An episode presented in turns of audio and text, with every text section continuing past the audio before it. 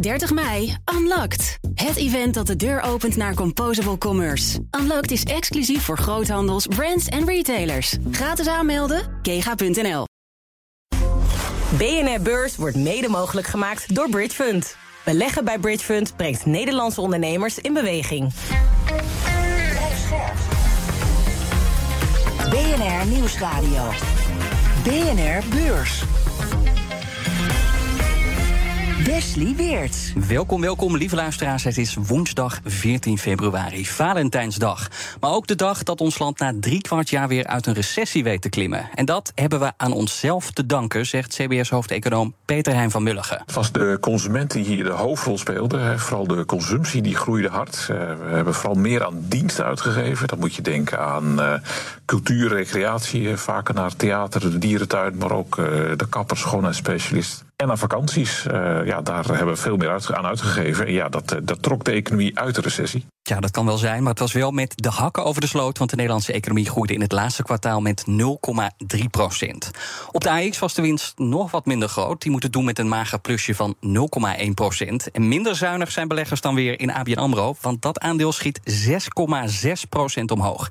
Nou, wie geen genoegen neemt met hakken over de sloot... en altijd zijn beste beentje voorzit... is onafhankelijk aandelenanalist Niels Mijn gast vandaag. We gaan het zo hebben over Aal Delhaize. De extreme prijsstijgingen in de supermarkt zijn voorbij, maar tegelijkertijd keldert de winst. En de toezichthouder opent een onderzoek naar mogelijke wanpraktijken bij webwinkel bol.com, het dochterbedrijf van Aal Delhaize. Nou, dat zo. Maar eerst ABN Amro, want ook die bank die kwam met cijfers. En daar gaan we eerst beginnen nieuws. De bank boekte zijn hoogste winst in jaren. Afgelopen jaar bleef er onderaan de streep 2,7 miljard euro winst over. Maar kijk je naar de resultaten van de laatste maanden, ja, dan lijkt de toptijd voorbij, want de laatste twee kwartalen dalen de winstcijfers. Heeft natuurlijk te maken voor een groot deel met die renteinkomsten. Eerder profiteerde ABN flink van de gestegen rente. Maar ja, dat rentefeestje dat duurt ook niet eeuwig. En dat merkt de bank nu al. En voor dit jaar wordt natuurlijk ook nog gerekend op de eerste renteverlagingen. Dus ja, dan zijn de recordwinsten waarschijnlijk ook voorbij. Maar toch, Niels, de cijfers van ABN zijn nu goed. Winst viel mee. Op de beurs zie je het aandeel ook omhoog schieten. Ja, hoe doet ABN het vergeleken met die andere banken, ING en Rabobank? Nou ja, kijk, waar je bij de banken dan altijd naar kijkt, zijn de, de kosten, de mm -hmm. uitgavenkant. En dan zie je toch wel dat er bij ABN AMRO nog wel werk aan de winkel is. Als je dan kijkt die kosten-inkomratio, dan kijk je naar de kosten ten opzichte van de inkomsten. Is dat bij uh, ABN AMRO in het vierde kwartaal was dat bijna 72 procent, terwijl dat bij ING 57 procent is. Dus er zit een heel groot verschil in. Dus zij hebben gewoon echt veel meer kosten. Dus mm -hmm. dat, dat drukt dan al de winst. En je had het ook over topjaren bij ABN AMRO. Nou, eerlijk gezegd, sinds de kredietcrisis in 2008 heeft deze bank eigenlijk nooit meer topjaren gehad. Ja, oké, okay, de, de winst gaat wat omhoog. Mm -hmm. Maar we kwamen ook wel uit een periode met ja, negatieve rentes. Dus ja. het, je komt van een hele slechte periode. En dan gaan we nu weer naar een wat meer normale periode... waarin ze inderdaad wel miljardenwinsten kunnen maken. Maar ja, ABN AMRO is ook wel een hele grote bank, dus uh -huh. hoort dat er ook bij. Het is ook makkelijk vergelijken dus. Tegelijkertijd kun je ook zeggen, want ik zie dat aandeel vandaag dus hard stijgen. Ja. Uh, maar ik denk dan, eigenlijk is het best al achter de rug. Waarom zou dat aandeel dan nu stijgen? Want het, het, wordt alleen maar minder dit jaar. Ja, maar de verwachting, en dat was het allerbelangrijkste cijfer... was dat ABN AMRO zei dat de rente, netto renteinkomsten... dat die in 2024 niet zouden dalen ten opzichte van 2023. Dus gelijk blijven. Mm -hmm. En de markt verwachtte juist dat die wel omlaag zou gaan. En met name bij de banken de laatste uh, paar kwartalen... kijken we met name naar die rentebaten... En dat was echt een belangrijke meevaller. En daardoor ging ook die, uh, die koers omhoog. En ja, het beste achter de rug, als je hem kijkt weer ten opzichte van de beursgang in 2015, staat het aandeel gewoon nog 27% lager. Dus ja, beleggers hebben de afgelopen acht jaar echt helemaal niks verdiend. Dus het, het, het, het werd ook wel eens tijd, eerlijk gezegd, dat er wat uit de kwam. Van ABN gaan we naar een andere Nederlandse bank, ING. De naam viel al even. Uh, maar er was ook nieuws rond die bank. Want ING stopt niet met fossiele investeringen. ondanks de rechtszaak van Milieudefensie. Die Milieuclub stelt ING aansprakelijk voor het veroorzaken van in hun ogen gevaarlijke klimaatverandering. Milieudefensie wil dat de bank zijn uitstoot halveert. Maar nog belangrijker, het moet de samenwerking met vervuilende bedrijven binnen een jaar stopzetten. Nou, zo niet, dan dreigen ze met een rechtszaak. En met dat dreigement kwam Milieudefensie vorige maand. En ja, nu heeft ING zelf gereageerd, doen ze in een brief. En in die brief veegt de bank de vloer aan met de klimaatzaak. ING vindt de eisen onhaalbaar en vindt stoppen met fossiel niet de juiste aanpak, zegt topman Steven van Rijswijk. Want ja, het is niet voor niets een transitie tot 2050, zegt hij. Dat betekent dus dat we langzamerhand moeten wegbewegen van olie en gas. Dat is dus naar 2050 toe, dat is niet nu. 80% van de wereld uh, is nog afhankelijk van fossiele brandstoffen. We hebben ook tijd nodig met elkaar als maatschappij om die transitie door te maken. Het beste wat wij kunnen doen als ING is dat we bedrijven helpen met die transitie door te maken. Dat betekent dus dat we adviseren, dat betekent dat we financieren. Dat betekent ook dat we klanten houden en bekijken hoe een klimaatplan eruit zien. We zijn ervan overtuigd dat we de meeste impact maken als we bij die klanten blijven, als we weggaan en nu gewoon afscheid nemen.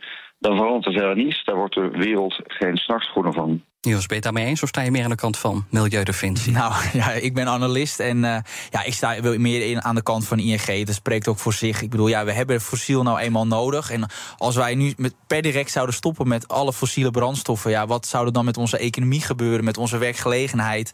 Ja, dat is niet realistisch. Dus en ja, het is goed om te zien dat ING die uiteindelijk echt wel die transitie wil maken. Dus uiteindelijk minder daarin wil investeren. Maar dat is een geleidelijk proces. Dat kan je niet in één klap uh, kun je dat regelen. Nee, dat ook wel uit cijfers waar Shell vandaag mee kwam. Of zij kwamen met een voorspelling. Uh, Shell ziet de vraag naar vloeibaar aardgas fors toenemen. De vraag naar LNG stijgt met meer dan 50% in 2040. Ja, en dat is dus ook een beetje wat Van Rijswijk van ING zegt. 80% van de wereldeconomie draait op gas, olie en kolen. Enerzijds zie je dat wij in Europa uh, meer LNG importeren door de oorlog in Oekraïne en het wegvallen van Russisch gas.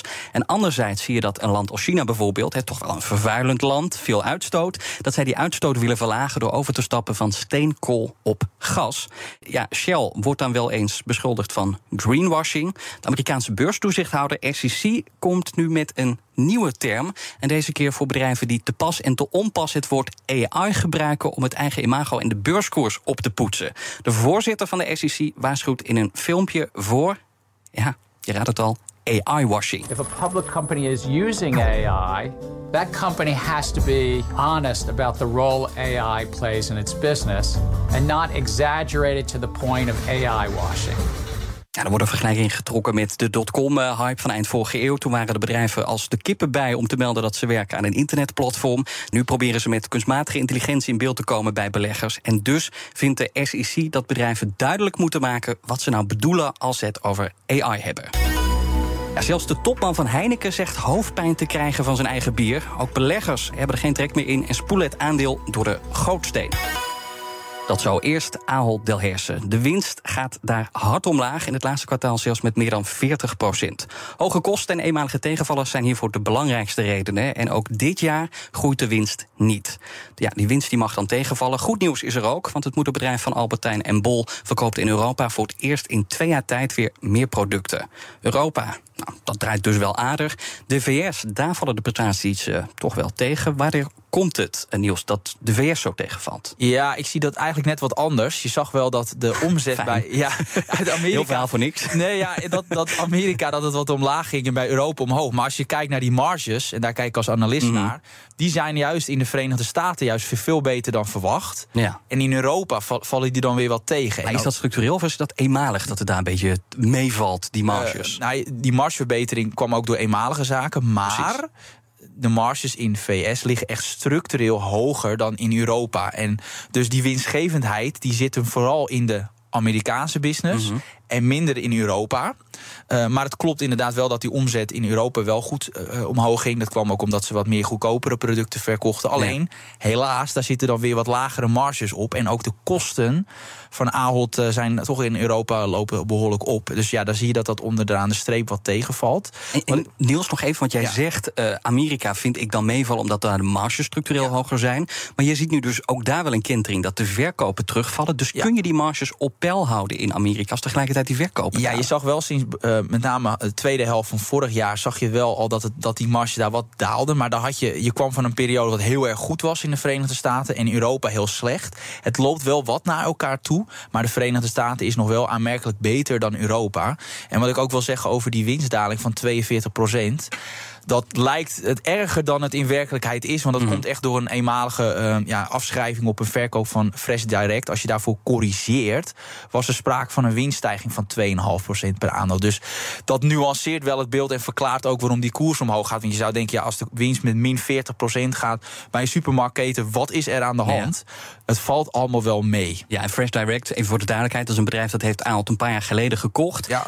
Ja, nu achteraf, met de kennis van nu, voor te veel geld. En dus moeten ze daar eh, flink op afschrijven. 250 miljoen. Het was een online supermarkt eh, en eh, ja, dat eh, keten en dat, dat, dat werkte niet. Dus dat hebben ze met verlies moeten ja, verkopen. En dat gaat dan eenmalig ten koste van de, van de winst. En als we dan vooruit kijken, want eh, als u het aan mij vraagt, eh eh, Ahold zegt. Er zit wat herstel nu in Europa, maar de VS valt tegen. Belangrijkste markt, daar komt de meeste omzet vandaan.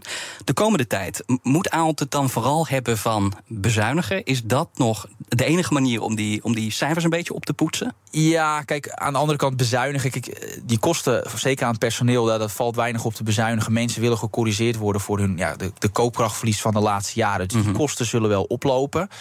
Ehm, ja, aan de omzetzijde, dat is wel iets waar ik me dan nou, over zorgen om maak. Het gaat wel te ver, maar dat, dat, ja, dat valt wel, gaat wel. Je, gaat, je hoeft niet van Aal te verwachten dat er eventjes spetterende omzetcijfers uit gaan komen. Dus dat is relatief stabiel. Ehm, maar aan de andere kant, kijk, de waardering van Ahold is, het is, is tien keer de winst. Dat is zo'n waardering dat het ook niet per se hoeft om verder te groeien. Dat zelfs al zou die winst stabiel blijven, dan kun je met deze waardering ongeveer 10% rendement per jaar boeken eh, met, met Ahold. En ik vind dat eh, vrij interessant. Dus dat, ja, bij het ene bedrijf is groei belangrijker dan bij het eh, andere. Ja, hier is het eigenlijk prima. En is Aal dus nog steeds een interessante aankoop vanwege de koerswinstverhouding? Zeker, ja. Dit jaar valt er dan inderdaad wat tegen. Maar ik verwacht dat het komende jaar dat het wel weer rustig omhoog. Ja, het, is niet, het zijn niet de cijfers à la Microsoft omhoog. Nee, maar dat, dat Maar kennen we ook dat niet verwachten wij ook helemaal Nee, niet van Zeker Ahold. niet. Een ander punt is, waar misschien wel meer groei zit, is Bol. Bol.com. Dat was een bedrijf dat moest naar de beurs gaan. Werd jaren geleden, al een paar jaar geleden aangekondigd. Dat werd de hele tijd uitgesteld. Nu heeft Aalt gezegd eh, dat ja, die plannen dat die nog maar even moeten blijven liggen. Want de markt is te zwak, vinden ze. Is dat zo? Want we hebben ook Amazon gezien. Nou, dat draait als een tierenlier. Ja, het is net wat versta je om de zwak. Twee jaar geleden was die extreem goed. Dus toen snapte ik dat met die negatieve rentes... er werden de gekste bedragen voor niet winstgevende bedrijven betaald. En ja, bol.com is nog niet echt zo'n heel winstgevend onderdeel van Ahold. Ehm, dus toen werd er de hoofdprijs betaald. Ja, ik snapte dat ze er toen wel vanaf wilden. Nu is het genormaliseerd en kun je een minder goede prijs krijgen. Dus dat ze niet staan te trappen. Ze hopen gewoon dat die... Ja, dat, die, dat op het moment komt dat ze er wel de hoofdprijs voor kunnen krijgen. En dat is op dit moment niet.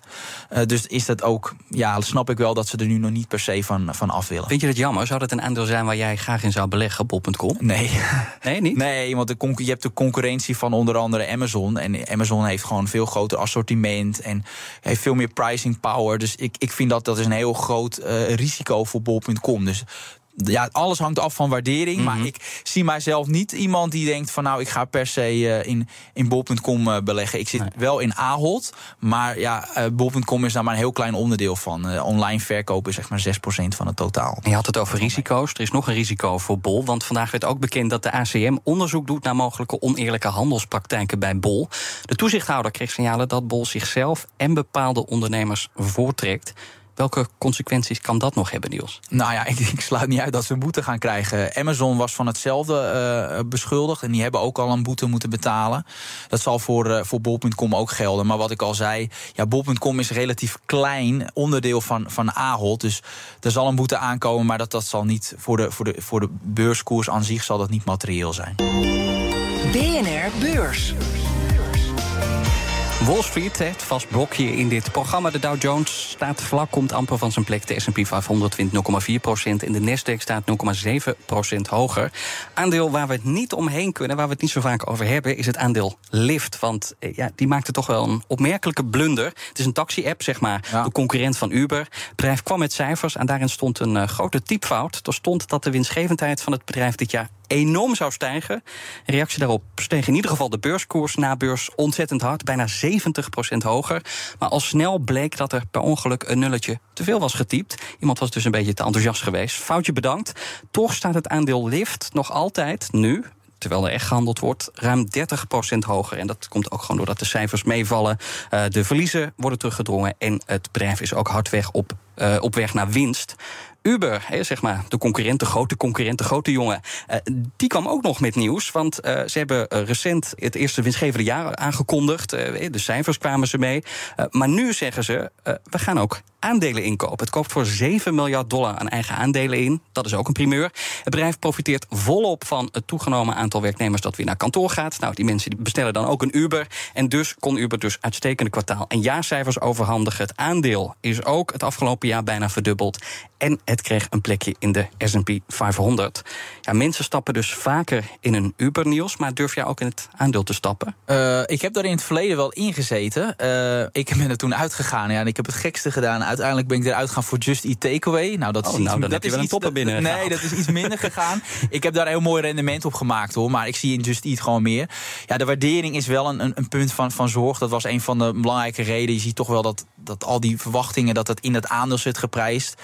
En ik, ja, ik zag in, een, uh, in, in Just Eat een, mooier alternatief. Maar dat heeft helaas niet goed uitgepakt. Maar Uber, ik blijf er nog even van weg. Ja. Zeker op deze niveaus. Wat anders, zou jij een Vision Pro van Apple willen, Niels? Nou, niet met die, die, die bril die er nu is. Want dan, dan heb je net het gevoel dat je. Ja, ja, ik, ik, ik, kan me gewoon, ik heb, kan me gewoon niet voorstellen dat ik zo'n ding ooit opzet. Maar, maar de technologie is natuurlijk wel interessant. Ik, ik, vraag het omdat we inmiddels weten wat Mark Zuckerberg vindt van de Apple Vision Pro. Je weet wel, dus die peperdure bril. Zuckerberg heeft hem geprobeerd en zijn ervaring op Instagram gedeeld. Ja, het mag geen verrassing zijn. Hij vindt zijn eigen Quest 3-bril beter. Dat is de bril van Meta, het bedrijf waar Zuckerberg de baas van is. Ja, en we gaan nu luisteren naar de minst objectieve review ever. I finally tried Apple's Vision Pro. And, you know, I have to say that before this, I expected that Quest would be the better value for most people since it's really good and it's like seven times less expensive. Uh, but after using it, I don't just think that Quest is the better value. I think that Quest is the better product, period. And, you know, the different companies made different design decisions for the headsets, they have different strengths. But overall, Quest is better for the vast majority of things that people use mixed reality. BNR Beurs. Vier op een rij voor Heineken. Normaal ben je dan de winnaar, maar niet in dit geval. Want voor Heineken betekent het de vierde misser in vier kwartalen tijd. Op bijna elk punt presteert de bierbrouwer slechter dan verwacht. Over het hele jaar verkocht Heineken minder bier. Nou, door de prijzen te verhogen probeerde het de winst op peil te houden. Alleen dat lukte maar voor een deel. Want ondanks alle inspanningen valt de winst terug van 2,7 miljard euro in 2022 naar 2,3 miljard vorig jaar. Ja, en ook voor dit jaar zijn de verwachtingen aan de lage kant, vinden beleggers. Ja, vooral Vietnam, Nigeria, daar kelderen de verkopen. Samen zijn ze goed voor maar liefst 60% van de totale volumedaling. Hoe kan het daar zo misgaan, Niels? Ja, Vietnam is ook een heel belangrijke markt voor, voor Heineken. Ja, dat, ja, eh, één ding, die landen zitten in een economische crisis. Nou, normaal zou je denken, nou, als het, eh, als het helemaal slecht gaat... dan eh, gaan we ons verdriet allemaal wegdrinken. Mm Maar dat was bij Vietnam zeker niet het geval. Maar dat kwam ook omdat ze daar de prijs ook nog eens een keer verhoogden... waar de concurrentie dat niet deed. Ja. Nee in periode van crisis, als je al op de kleintjes moet letten, ja, als je dan als bedrijf de prijzen verhoogt en de concurrentie doet het niet, ja, dan snap ik wel dat mensen even bij de concurrentie uh, komen kijken. En dat, dat hakt er echt in. Mhm. En bij Nigeria zie je ook dat daar de, ja, de valuta heel erg een belangrijke rol speelt. Ik bedoel, als jouw verkopen in die munt, ik weet die niet eens uit mijn hoofd, maar als dat daalt min 60 procent, ja, ja, dan is die, dan is die winst ook gewoon minder waard. Dus daar hadden ze daar last van. Maar ja, die, zeker die prijsverhoging in Vietnam, dat uh, heeft er aardig ingehakt. Mm Ja, waar ABN dus ruim 6% wint vandaag. Daar daalt Heineken ruim 6%. Waar zit wel nog groei bij Heineken? Uh, nou, wat je zag in Amerika met name, Amerika, dan hebben we het ook over Brazilië, Mexico, dat daar ging het wel goed. Dat is eigenlijk het enige gebied waar ze wel hun prijzen wisten te verhogen en dat ook de volumes stabiel bleven. In alle andere regio's zagen we weliswaar prijsverhogingen maar dalende volumes. En hier bleven die volumes nog wel op peil, ook door het winst van marktaandeel. Dus daar hebben ze het goed gedaan. Maar per saldo, als je kijkt naar de hele concern, valt het gewoon eh, tegen. En zeker de verwachting voor volgend jaar. En dat is ook de reden waarom die koers omlaag gaat. Die winstverwachting valt echt wel zo'n 12, 13 procent lager uit dan verwacht. En dan zie je dat uh, terugkomen in, uh, in de koers. Is die focus op dat premium segment, waar Heineken zich al jaren op focust, dan wel de goede keuze geweest? Uh, nou, uiteindelijk vaak wel, omdat je daar de, de, de, hogere marges vaak ook... dat doen ze niet voor niets, dat is, daar kunnen ze gewoon meer voor vragen... en daar zitten hogere marges op. Maar dan moeten mensen daar wel voor willen betalen. Dat is, maar dan moet je dus een goed product afleveren. En dat je ziet, in Amerika lukt dat dus wel... Uh, maar ja, in, uh, zeker ja, in, in Vietnam zitten ze daar wat minder op te wachten. Ja, nou is het zo dat Heineken heeft gezegd dat ze hebben heel veel prijsverhogingen gehad. En nu zeggen ze, nou, het bier wordt niet nog veel duurder. Maar hoe denkt Heineken dan voor het komende jaar en de periode daarna de omzet en winst op niveau te houden? Want ze moesten het echt hebben van die prijsverhoging in de afgelopen tijd. Ja, en dat was dus het probleem. Ze verwachten dit jaar eigenlijk ja, niet of nauwelijks een stijging van de winst. En daar zit, dat, daar zit dus ook die hele teleurstelling in. Want dat zat wel. Heineken was al, is een relatief duur aandeel voor een, voor een, voor een ja, relatief stabiel bedrijf. Je betaalde in het verleden echt wel vaak meer dan 20 keer de winst. Ja, dat is vrij veel. En die waardering is weliswaar teruggekomen. Maar we zagen het al. Ahold, ja, dat is 10 keer de verwachte winst. En bij, uh, ja, bij Heineken is dat gewoon aanmerkelijk meer. En ja, dat, dan zie je dat dat dus ook uiteindelijk terug gaat, uh, gaat komen. Dus we moeten het wel waarmaken. En dat, dat zie je dit jaar, vrees ik daarvoor. Dus ik sluit ook niet uit dat die koers nog wel wat verder om, uh, omlaag zou kunnen. Ik zag ook nog wat zorgen over de schulden bij Heineken. Die zorgen die kwamen van ING, analisten van ING. Want die schrijven dat de schuldgraad een probleem begint te worden. Zie jij dat ook?